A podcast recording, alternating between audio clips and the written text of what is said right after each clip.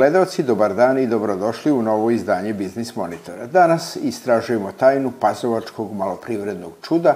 Saznaćete koje obuke organizuje Privredna komora Srbije u oktobru, a recept za poslovni uspeh prepisujemo od Mirka Ilića u Bešenovu. Pa da počnemo.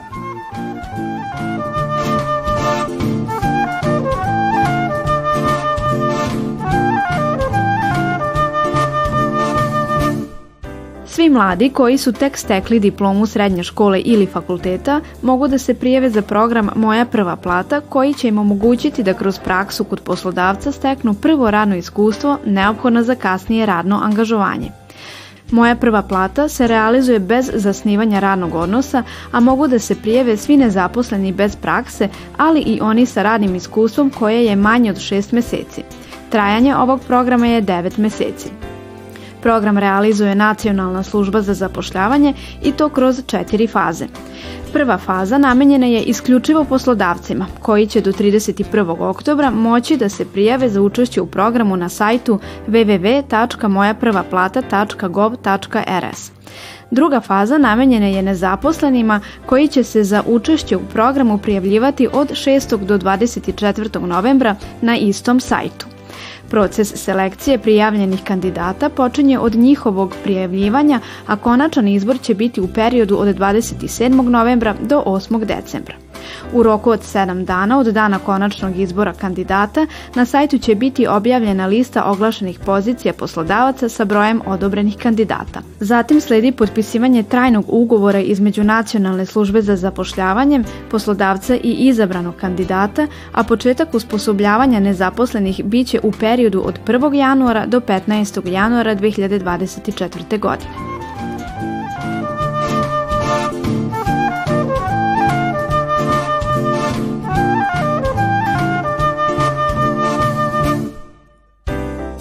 Proteklu radnu nedelju na produktnoj berzi u Novom Sadu obeležio je rast količinskog i finansijskog prometa u odnosu na prethodnu nedelju, dok je cena pšenice počela da raste, cena kukuruza blago je počela da pada, a soja nastavila više nedeljni pad. Kad je reč o svetskom tržištu, u protekloj nedelji blago je rasla cena osnovnih žitarica na Čikaškoj i Parijskoj berzi. U toku nedelje dominantna kultura u trgovanju bila je soja, a primetan je bio silazni trend cene soje i kukuruza, dok je cena pšenice zabeležila rast. Za razliku od prethodne dve nedelje, kada je kukuruz bio primarna kultura u trgovanju, ove sedmice je došlo do smanjenja aktivnosti učesnika na tržištu. Zaključenje berzanskih ugovora otežavalo je to što su ponudi najčešće nalazio kukuruz za brzo preuzimanje, dok je tražnja bila usmerena na kukuruz sa isporukom u novembru. Slaba aktivnost učesnika na tržištu pšenice nastavila se i četvrtu nedelju za redom. Prvi radni dan u sedmici donio je povećanje aktivnosti, ali ostatak nedelje prošao dosta mirno. Najviše aktivnosti ove nedelje bilo je na tržištu soje, te je ona bila primarna kultura u trgovanju. Na kraju protekle poslovne sedmice na Beogradskoj berzi ostvaren je višestruko manji promet nego prošle, a oba berzanska indeksa bila su u padu. Kraj protekle berzanske nedelje u svetu američka laka nafta nastavila je da pada, a severnomorskoj nafti počela je da raste vrednost. Svi najznačajniji plemeniti i bazni metali, kojima se trgovalo u svetu, zabeležili su protekle nedelje rast vrednosti.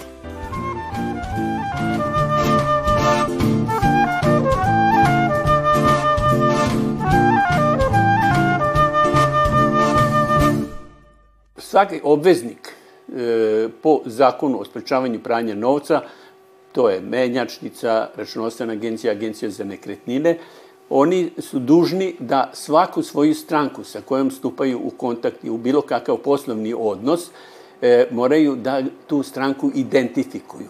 Stranka se identifikuje na sledeći način. Ako je to u pitanju e, firma, u tom slučaju ta firma uzima se rešenje iz APR-a, i proveravaju se podaci koji su nam dati od strane predstavnika firme pri dolasku i pri pravljenju ugovora o e, vođenju poslovnih knjiga, na primer, i u tom slučaju e, na, na kraju, na tom rešenju ovlašćeno lice koje je vršilo identifikaciju i proveravalo da li u APR-u su podaci oni koji su mu saopšteni e, za firmu, kao i podaci o stvarnom vlasniku, da li je podneto, znači e, e, on je dužan da na rešenju potpiše to rešenje, upiše datum i vreme kada je to proveravao. E sad, kada je proverio firmu, obveznik je dužan da vlasnika, zastupnika i e, stvarnog vlasnika znači da proveri i da identifikuje, da odredi ko su stvarni vlasnici. Znači, u tom slučaju mora uzeti od vlasnika e, ličnu kartu ili pasoš, ukoliko je strani državljani uzima pasoš, i na licu mesta se vrši identifikacija, proverava se da li je to lice to koje prisustvuje poslovnom sastanku ili, ili zaključivanju ugovora. E, nadalje, e, uzima se vezano za e, stvarnog vlasnika, proverava se kroz rešenje koliko, da li je taj, e, da li taj stvarni vlasnik zaista je, zadovoljava uslove, mora određeni procenat imati učešća da bi bio stvarni vlasnik i ukoli, a ukoliko konstatujemo da nema stvarnog vlasnika prijavljenog u APR, mi smo dužni kao agencija, primjer računovodstvena agencija, da izvršimo prijavu stvarnog vlasnika u APR.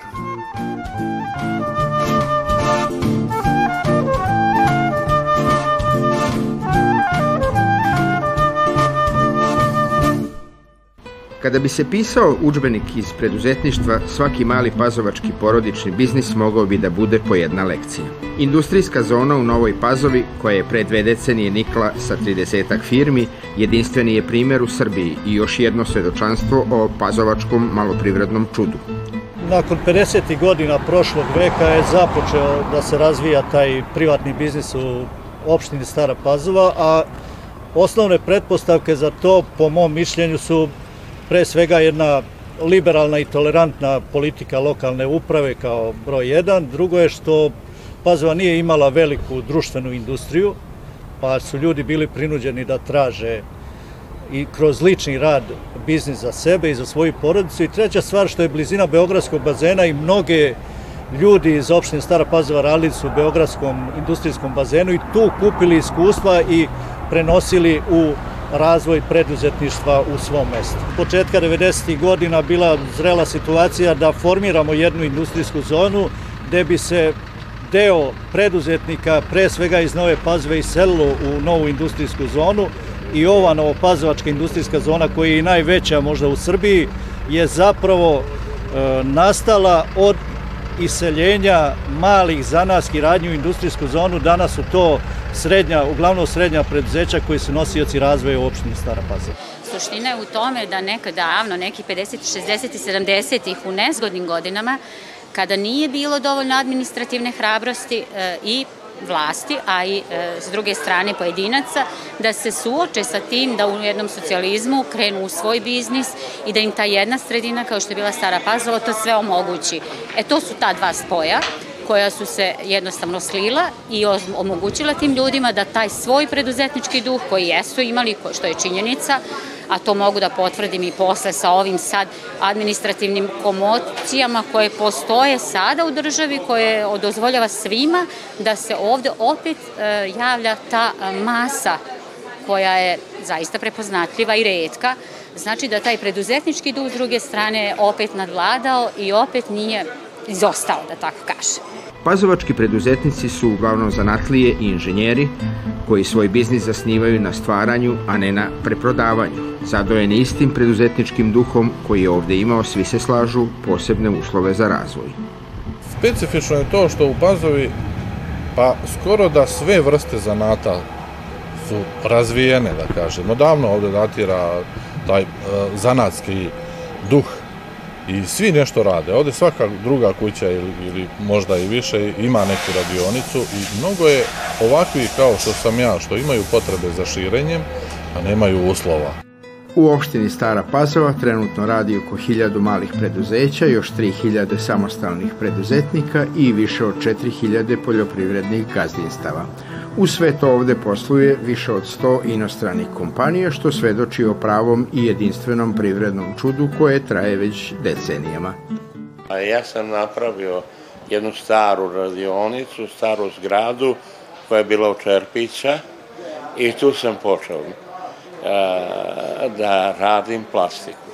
Mi smo svi tada bili zaljubljenici i borili smo se svi za deo neba, da što bolje živimo, da svoje znanje koje smo stekli obrazovanjem u šup školi, mada ja nisam taj, ali kolege su bile završile zanate u šup školi, želeli su da se samostale i otvarali su, što vi kažete, u šupama, u garažama, bilo gde, ali su to bili zaljubeljenici i ljubitelji svoga posla. Mi smo iz male zanatske radnje prešli na proizvodnju poljoprivrednih mašina, imamo 40 mašina poljoprivredi naših proizvoda koje radimo. 18-godišnji Uroš Kosanović je treća generacija u svojoj preduzetničkoj familiji i samoumereno vidi sebe kao naslednika biznisa koji se već 20 godina radi u njegovoj porodici. Počeo je privatni biznis moj, tat, moj deda koji je počeo pre 20 godina i on je počeo sa jednim strugom i jednom bušelicom u celoj radionici i tako smo nastali da imamo sada u radionici pet strugova. Imamo mnogo mašina, e, proizvodnju su nastavili moj tata i moj stric, oni sada proizvode sve ovo što vidite ispred nas, e, pa sad trenutno imamo 10 zapošljenih. Ja sam naslednik firme, želim da nastavim ovaj njihov posao, da budem treća generacija naslednika, da steknem e, mnogo, mnogo više ambicije i volje nego oni. Želim da ostvarim tu firmu na mnogo, mnogo veći nivo. Sad postoji jedna neobičnost u Staroj Pazovi, a to je nedostatak radne snage. Mi smo sad u situaciji da se ozbiljno pozabavimo i tim izazovom i da tu radnu snagu koja je profesionalna, koja odgovara strukturi privrede, prilagodimo njima, da im to olakšamo i sad smo se ovaj, stavili na taj drugi front, a to je da i te kadrove koji su njima neophodni upodobimo. Tako da između ostalog, osim širenja, imamo akcenati na tome. Poslednjih godina nedostatak kvalifikovane radne snage preti da za pazovečke preduzetnike postane veći problem nego što je to svojevremeno bio manjak poslovnog prostora.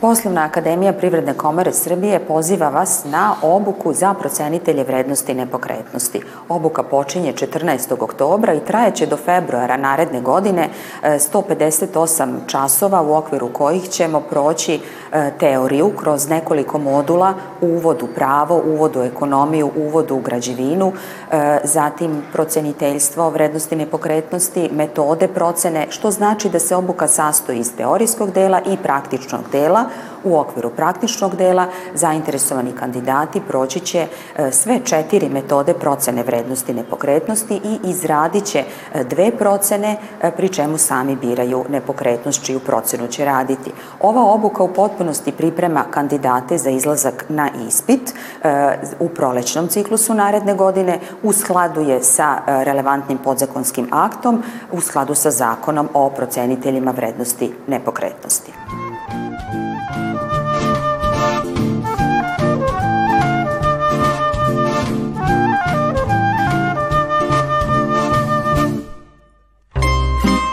U malom sremskom selu Bešenovu, u ostalom kao i u celom Sremu, nema kuće u kojoj se ne razumeju u svinjokolje i svi navodno znaju da naprave čuveni sremski kulen i kobasice i ostale mesne džakonije. Svi to znaju za sebe, ali su redki, poput našeg domaćina Mirka Ilića, koji su spremni da od prerade mesa naprave porodični biznis. Od njega danas prepisujemo recept kako uspeti u Srbiji. Nalazimo se na poljoprivrednom gazdinstvu Bešanovac, u selu Bešanovu i u preduzetničkoj radnji Bešanovac koja posluje preko poljoprivrednog gazdinstva. E, mi smo našu firmu osnovali, e, kao što sam rekao, preko poljoprivrednog gazdinstva kad je Ministarstvo poljoprivrede izda, je donelo zakon o mogućnosti registracije prerade mesa i proizvodnji tradicionalnih proizvoda na poljoprivrednom gazdinstvu i prodaji sa kućnog praga. Što se tiče količine, mi smo ograničeni trenutno nekih stotina kilograma e, nedeljno. To uspevamo da pokrijemo, uspevamo da prodamo. Kupci su nam isključivo fizička lica, poslujemo preko određenih noćnih bazara, kao, kao što sam rekao, prodaj na kućnom pragu. Kupci uglavnom dolaze do nas, traže nas jer su verovatno zadovoljni kvalitetom proizvoda. Proizvodimo nekih 7-8 različitih vrsta proizvoda koji su autentični za ovo podnevlje, koji se prave i dalje na tradicionalni način kao što se i pravilo pre više stotina godina. Tu su sremska kobasica, kulen, e, suvi vrat, pečenica, slanina, čvarci, e, domaća svinska mast e, koju dobijamo sve naše proizvode, dobijamo sirovine koja se uzgaja kod nas na poljoprivrednom gazdinstvu. Sve svinje moraju da provedu kod nas minimum šest meseci. To naravno neretko bude mnogo duže. Svinje koje mi koristimo u našoj proizvodnji su obično stare od 10 do 14 meseci kako bi dobijali to zrelu sirovinu za proizvodnju naših proizvoda. Proizvedemo negde stotinak svinja na godišnjem nivou i te svinje, kao što sam rekao, koristimo u našoj proizvodnji. Sve ovo naravno nije od juče, ali nije baš ni odavno. Kažete kako se to stiže od samog početka pa do ovakve firme koja stvarno obećava? Mi e, se zvanično bavimo ovim poslom neke dve godine. Naravno da smo to radili i daleko pre toga. I ovde se svako rađa sa ovim poslom u rukama i dosta ljudi ga e, znaju raditi i proizvoditi dobar kvalitetan proizvod. Opet kažem, neko na manje kvaliteta, neko na više kvalitetan način. Mi smo verovatno u tim boljim proizvođačima. E, počela ideja, kao ideja je od uvek bila bila prisutna.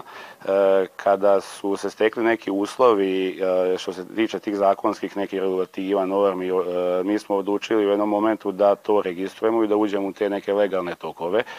Bilo je tu naravno i odlaganja tog, mogli smo možda i malo ranije, ali znate uvek krenete pa vam fali jedan papir, pa hoćemo, pa nećemo, pa možda, ajde sačekamo još malo, Eh, uvek je to onako neka neodlučnost je prisutna. Dok u jednom momentu zaista onako nismo presekli i rekli sad idemo napred, idemo da vidimo šta ćemo, kako ćemo, ušli smo u to, eh, bili smo onako relativno sigurni da, da verovatno da ćemo da uspemo. Uh, mislim da smo uspeli, iako smo mlada firma, možda je potrebno u preduzetništvu malo veći broj godina provedenih u tom poslu da bi se reklo da li smo zaista uspešni ili nismo. Mislim da smo da, na dobrom putu i onda smo, kažem, re, prosto rekli idemo da probamo pa šta bude. Posao kao posao znamo da radimo, E sad određene okolnosti druge na koje mi možemo, ne možemo da utičemo, e, to smo onako prepustili vremenu da vidimo šta će se dešavati i kažem zaista onako smo mi da sad tu poprilično zadovoljni kako to ide. Kakav to čovek, gledajući iz vašeg iskustva, treba da bude pravi preduzetnik? Neko kaže treba da ima ideju, treba da ima hrabrost, neki bi opet rekli ludost. Mora da bude uporan, marljiv, treba da ima sreće ili nešto peto, ili sve to zajedno. Kako je bilo u vašem slučaju? Dobar preduzetnik mora da ima konkretnu zamisao. U stvari šta on hoće da radi. E, da ne, da ne ide u posao na pamet, nego prosto ako ste se odlučili da bavite se jednim poslom, da budete to, tom poslu posvećeni, da određeno znanje imate kad radite taj neki posao e, i onda vam je daleko lakše da vi uspijete u tom poslu. E, hrabrost svakako, hrabrost svakako, jer danas prosto u različitim vrstama preduzetništva vi dolazite u određene probleme koje on nameće samo tržište, samo prosto dešavanja, čak i u, na globalnom nivou, lokalnom, globalnom, nebitno. Preduzetnik treba da ima, e, kao što sam rekao, sve te osobine, vrline koje ste i vi nabrojali, a kažem, prvenstveno određeno znanje, e, hrabrost svakako i sreća je, sreća je neizvestan faktor koji vam svakako treba. To je sigurno. Koji se načela i principa držite u svom poslu svakog dana? Koja bi to bila formula za poslovni uspeh? Najbitnije je da vi e, vašim krajnim potrošačima dajete kvalitetan proizvod. To je, e, to je po meni najbitnije. E, vi ako radite taj posao kvalitetno, dosledno, onako kako se je to radilo, vama će takođe taj uspeh u velikoj meri biti zagarantovan. Znači, to mi je, to mi je najbitnije. Da kažem u jednu ruku da, da, da preduzetnik mora biti pošten prvo, to je, to je svakako. Što se tiče nekog poslovnog savjeta, ja sa mojim prijateljima dosta pričam, recimo koji su, pošto se mi jelo ovde bavimo generalno poljoprivredom, da su recimo da budu malo više spremni da ulaze recimo u neku sekundarnu proizvodnju poljoprivrednu, da primarnom poljoprivrednom proizvodu dodaju određenu vrednost. E, mislim da imaju budućnost u što se tiče prerade nekih primarnih poljoprivrednih proizvoda tipa žitarica, mlijeka i tako dalje. E, često ćemo mi, neko uvijek možda vas ospori da su, imate dosta primjera nekih neuspješnih propalih priči, propalih ideja. Svakako da imate i negativne i pozitivne pojave u svemu, ali mislim da sada trenutno može da se iskoristi neka opšte opšta situacija i da možete da radite e, taj posao. Kažemo, opet vam treba ljubav za neki posao. Ne može, nije, nije bitan samo profit. Profit e, mislim da dolazi onda kada vi sa nekom ljubavlju i željom radite posao. Profit vam je zagarantovan u tom smislu. Naravno, morate imati određene dobre poteze u životu. Imati određenu e, predoseće za neke stvari, doneti prave odluke. Ali je ta ljubav to prema tom poslu, to je sigurno nešto što vas vodi ka napred i što sigurno vam u velikoj meri garantuje da ćete vi uspeti. Ko vam pomaže u ovom poslu? Ko je sve uključen u ovaj, što se kaže, porodični biznis? Kao što sam rekao, svakako smo e, porodično poljoprivredno gazdinstvo. Da, kod nas tu ja, otac, majka, sestra, zet, ja sam kao nosilac poljoprivrednog gazdinstva, jel, na nekom kao kao, kao frontman neki, ali svakog da ništa to ne bih mogao da uradim sam. E, u ovom poslu su vam najbitnije ta, e, ja kažem što više ruku, to je bolje. Kako je uopšte biti preduzetnik u Srbiji danas? Šta vam je u tome lepo? Što ste sam svoj gazda? A šta vam najviše smeta? Većinom ljudi koji, na primjer, ne bave se privatnim biznisom, oni će reći blago tebi, ti možeš da ustaneš kako god hoćeš, možeš da legneš kako god hoćeš, e, sam si svoj gazda, e, tebi je lako, ja moram otići na poslu u šest ili ne znam u deset uveć pa raditi cijelu noć. Svakog da ima sve neke svoje prednosti i mane. E, vi ste u svom biznisu e, sve i sja. Vi ste i organizator i e, financijer cijele priče i glavni radnik. E, lepo je kada vi vidite da ste e, od te počnete neke ideje koju ste imali, i sada kad prođe jedan određen period, vi vidite da ste vi uradili jednu pravu stvar. Vidite da ste u stvari uspjeli. E, to je ta lična satisfakcija je nešto što vas zaista gura. E, preduzetništvo apsolutno nije lako. Voditi privatan biznis svakako nije lako. Imate veliku dozu odgovornosti, e, imate velike rizike koji vas prate. I na kraju biznis monitora mi uvek pitamo šta je za vas poslovni uspeh, a šta lična sreća? Nama je poslovni uspjeh i nešto što mi smatramo, to je kada vidimo da proizvedemo našu količinu proizvoda, da mi u već jednom momentu e, nemamo više robe da prodamo. I mi znamo da smo radili svoju misiju i svoj, mi znamo da smo radili dobar posao. E, a što se tiče neke lične sreće, e, kažem, najbitnije, naš posao je specifičan. Radimo isključivo sa fizičkim ljudima i prosto to zadovoljstvo kod kupaca je e, nama najbitnije. Kad vi vidite da su oni zadovoljni, onda je to ta lična sreća. Vi dobijate onda e, nevjerojatnu energiju da nastavite dalje da radite. Kada se neko negde prepoznaje, kad se slučajno sretnemo pa kaže neko, aha, da, da, ja sam, ne znam, kod teba, ti si taj što proizvodi, a onaj dobar, kulen ili ne znam, u, pa ono je bilo stvarno sjajno. E, to je ta neka lična sreća.